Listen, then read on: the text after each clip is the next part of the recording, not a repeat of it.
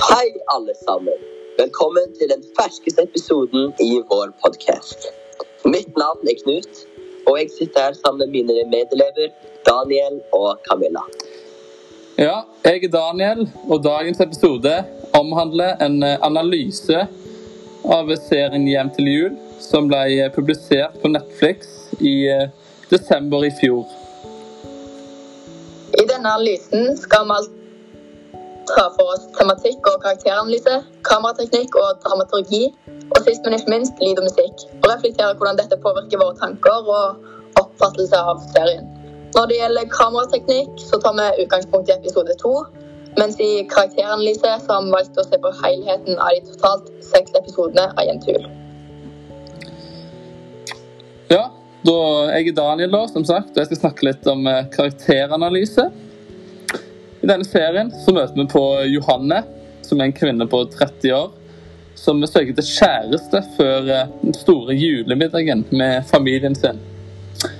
Eh, hun er tydelig da hovedrollen i serien, eh, og fremstilles som en veldig utadvendt, livlig jente, men er virkelig desperat etter da en kjæreste.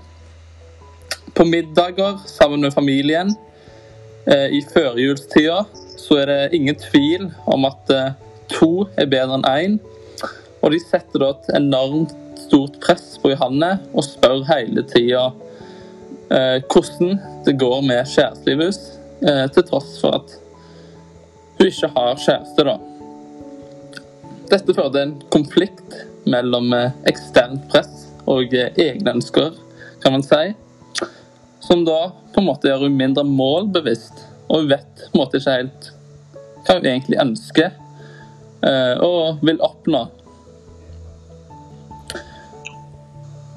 Eh, så ja, da, når du får spørsmålet da, ja, hva er du ute etter, så har hun på en måte sjelden et veldig konkret svar.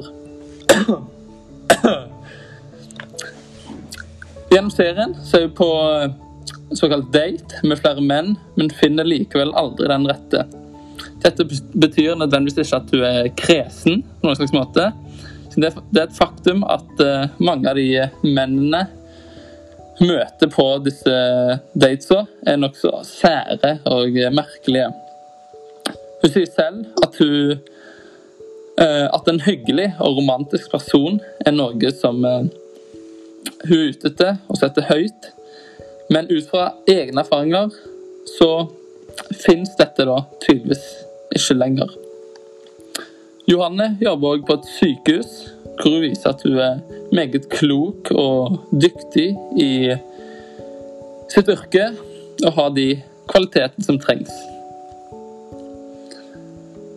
I serien var det flere bipersoner, men vi har da valgt å ta fokus på eh, en av de viktigste, som da var Jørgen som er bestevennen og samboeren til Johanne. Hun blir i serien fremstilt som en veldig energisk og livlig person. Og en viktig del av prosessen når det gjelder å finne kjæreste Johanne, og komme jevnlig med tips, ideer og råd for hvem, hva og hvor du kan finne en kjæreste før denne viktige julemiddagen. Vi får også sett litt uh, inn i serien at uh, Jørgen hun klarer uheldigvis å brenne et stort antall av gavene til Johanne rett før jul. Og Da får vi også se at Jørgen og eh, eier ekstremt med samvittighet, og hun blir utrolig lei seg når dette skjedde. Det var kamera... Nei, karakter, karakteranalyse. Da setter jeg ordet over til Knut, som skal snakke litt om kamerateknikk og dramaturgi. OK. Som nevnt tidligere skal vi ta utgangspunkt i episode to i analysen av kamerateknikk. Regissøren har brukt flere ulike kameravinkler. Eksempelet jeg bruker nå, er sexscenen mellom Fuckboy og Johanne. Det er tre hovedvinkler. Først skal vi gå gjennom normalvinkel. Da er kameraet på samme høyde som motivet. Under den første sexscenen mellom Jonas, som også blir omtalt som fuckboy, og Johanne er kameraet på normal høyde. Den andre sexscenen, når de er på stolen, ser man froskeperspektiv. Kamerahøyden er underfra. Den tredje sexscenen er det ikke et bestemt ord på, men det er ekstremt intimt. Man er helt inntil ansiktet til Johanne. Den siste sexen mellom Fuckboy og Johanne ser man fra fugleperspektiv. Eh, Klipprytmen i serien varierer, men jeg tar fremdeles episode to som eksempel. I klubben er det hurtig klipprytme. Klippene hopper hu- hurtig fra scene til scene, men når de kommer til hjemmet til Fuckboy, går de over til langsom hastighet. Når de danser i klubben, er det hurtige bilder, og tempoet er høyt. Siste episode av sesong én er det brukt cliffhanger. Det vil si at produsenten og regissøren bygger opp spenningen og holder den der. Det ringer på flere ganger, og siste gangen er det en mannsstemme. Nå går vi til Camilla, som skal fortelle oss litt om lyd og musikk. Ja, og før vi går videre til lyd og musikk, så tenker jeg at det er viktig å nevne eh, fargebruken i serien. Eh, spesielt innendørs så kan vi se veldig mange varme farger som, vi, som vi kan knytte opp mot eh, nærhet. Mens ute så er det ofte kalde farger som eh, vi kan knytte mot avstand. Eh, så det er en, en kontrast mellom det, bare for å bygge på det som Knut nettopp sa. Men som de fleste andre serier og filmer produsert de siste tiårene, så blir det i serien Hjem til jul tatt i bruk musikk. Og det veksler mellom naturlige og effektlyder i de ulike handlingene. Vi opplevde at regissøren ofte ønska å forsterke følelser ved bruk av musikk. For så er det en gjentagende sang i serien som spilles i bakgrunnen etter det han hendt er trist, enten med hovedpersonen eller bipersonene. Um, og denne sangen heter 'Years', utgitt av den norske uh, artisten Astrid S. Et eksempel på hvordan musikken forsterker følelser, er fra episode fem, når uh, Johanne finner ut at faren er utro og roter med en annen dame. Så akkurat når Johanne ser faren sin stående der på byen med en øl i hånda og en tilfeldig dame i armkroken, så stopper musikken. Det blir helt stille i noen få sekunder bare, men eh, dette forsterker stemningen og gjør at det er tydelig at eh, Johanne blir skuffa. Så akkurat denne scenen så mener vi at det er et godt eksempel på hvordan musikk kan representere og bidra i en dramatisk framstilling. Et annet eksempel er hvordan lyden veksler mellom naturlige og effektlyder. Og da tar jeg utgangspunkt i bursdagsfeiringen av Jonas, igjen nå i episode fem, som finner sted på et slags diskotek. Eh, vi kan høre her hvordan regissøren har valgt å løse denne vekslingen mellom effektlyd i starten og naturlig lyd mot slutten.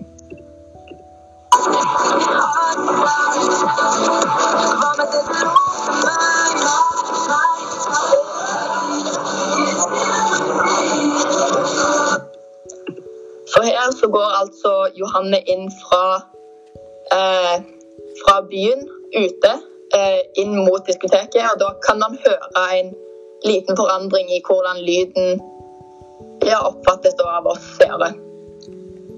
Eh, og for å avslutte denne podkasten så har vi tenkt å oppsummere med eh, tematikk, altså hva serien handler om på et dypere plan. Så hva tenker vi her, gutter? Ja Ja. Det er jo tema. Det er jo alltid interessant å snakke om tema, syns iallfall jeg.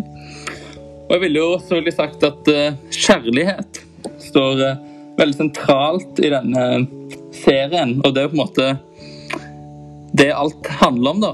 At Johanne skal få en, få en kjæreste. Så kjærlighet, definitivt, ville jeg sagt var et viktig tema. Men hva med deg, Knut? Hva tenker du er et viktig tema i denne serien her? Jeg mener at familie er veldig sentralt i serien. Man kan se at familien, familien er med i hver episode og er viktig for handlingen. Hver gang Johanne trenger hjelp eller lei seg, så går hun til familien. Hva tenker du, Camilla?